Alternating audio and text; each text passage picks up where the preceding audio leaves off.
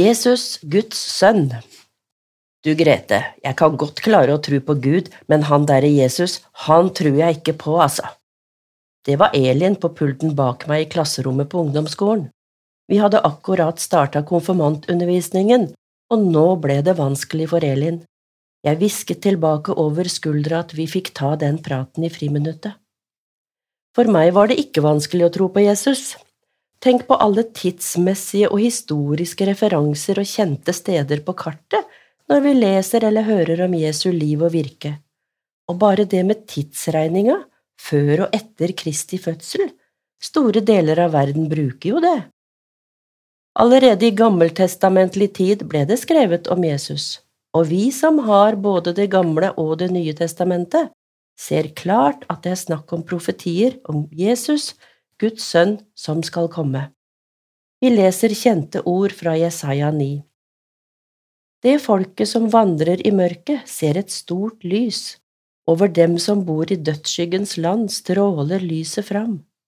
For et barn er oss født, en sønn er oss gitt, herreveldet er lagt på hans skulder.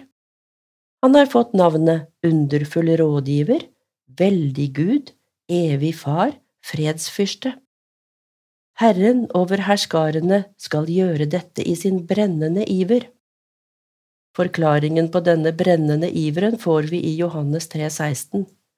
For så høyt har Gud elsket verden, at han ga sin sønn den enbårne, for at hver den som tror på ham, ikke skal gå fortapt, men ha evig liv. Jesus sa sjøl, Jeg og Faderen, vi er ett. Og han sa, Alle ting er meg overgitt av min far. Han snakket om det i Johannes 14, der han sier til disiplene sine. La ikke hjertet bli grepet av angst, tro på Gud og tro på meg. I min fars hus er det mange rom. Var det ikke slik, hadde jeg da sagt dere at jeg går og vil gjøre i stand et sted for dere?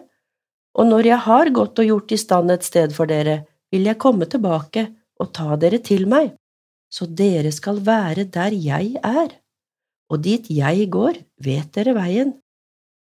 Thomas sier til ham, Herre, vi vet ikke hvor du går, hvordan kan vi da vite veien?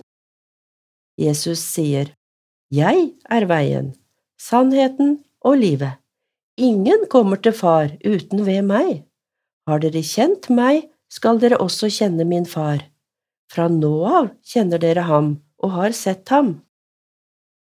På ulike måter prøver Jesus å forklare disse unge mennene at han er uløselig knyttet til sin himmelske far, altså Gud. Det er verken lett å forstå eller å tro at den mannen som står der i midten, er en del av guddommen. Er det virkelig sånn? Kan vi stole på det han sier? Skal vi satse på at han snakker sant? De er ikke ferdige med denne leksjonen, for Philip sier, Herre, vis oss Far, det er nok for oss. Jesus svarer, Kjenner du meg ikke, Philip, enda jeg har vært hos dere så lenge? Den som har sett meg, har sett Far. Hvordan kan du da si vis oss Far? Tror du ikke at jeg er i Far og Far i meg? De ord jeg sier til dere, har jeg ikke fra meg selv. Far er i meg og gjør sine gjerninger. Tro meg, jeg er i Far og Far i meg. Om ikke annet, så tro det for selve gjerningenes skyld. Jesus tar disiplenes tvil og usikkerhet på alvor, og gjentar tålmodig inntil de blir overbeviste om at de må bare tro det, sjøl om de ikke forstår det. Han må si det mange ganger, og det er tydelig at dette er viktig for Jesus å få fram. Jeg er i Far, og Far er i meg, vi arbeider sammen. Husker du beretningen om disiplenes båttur i stormen, da Jesus gikk på vannet ut til dem? Peter ville også gå på vannet og fikk et kom fra Jesus. Det gikk bra så lenge Peter så på Jesus, men da han begynte å se ned på bølgene rundt seg, sank han. Du lite troende, hvorfor tvilte du, sa Jesus, og tok tak i Peter og fikk han opp i båten. Så stillet han vind og bølger, og det står det noe fint om i Matteus 14,33. Men de som var i båten, tilba ham og sa, du er i sannhet Guds sønn. Dette var visst en annen type mann, en som rommet så mye mer enn et menneske. Han var sannelig en del av guddommen.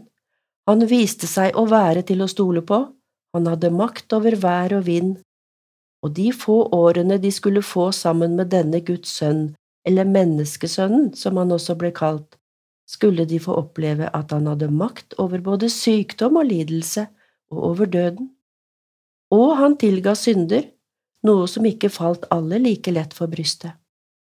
I Matteus 9 leser vi om en helbredelse som Jesus gjør, fordi han ser at de som kom med den lamme mannen, virkelig hadde tro på at Jesus kunne hjelpe. De skriftlærde sa da med seg selv, Denne mannen spotter Gud. Men Jesus så hva de tenkte og sa, Hvorfor går dere med onde tanker i hjertet? Hva er lettest å si, syndene dine er tilgitt, eller stå opp og gå? Men for at dere skal vite at menneskesønnen har makt på jorda til å tilgi synder, og nå vender han seg til den lamme, stå opp, ta båren din og gå hjem. Og mannen reiste seg og gikk hjem. Menneskesønnen har makt på jorda til å tilgi synder. For et kraftfullt utsagn! Han er Guds sønn, han er lik Gud, han er Gud. Han er drevet av sin egen far, som også er vår far. Tenk så nær Gud kom til vår jord, denne lille blå planeten. Jesus fra Nasaret, født inn i en liten snekkerfamilie, men som hele tiden visste at han ikke bare var Josefs sønn, men først og fremst Guds sønn. Og når han sier min far, deres far, min Gud, deres Gud, da er altså vi også regnet med som Guds barn. Da er også vi medarvinger til det himmelske riket. Det er noe å takke for i dag. Jesus, til deg alene går våre hjerters bønn. Kun i ditt navns gis frelse fra synden og dens lønn.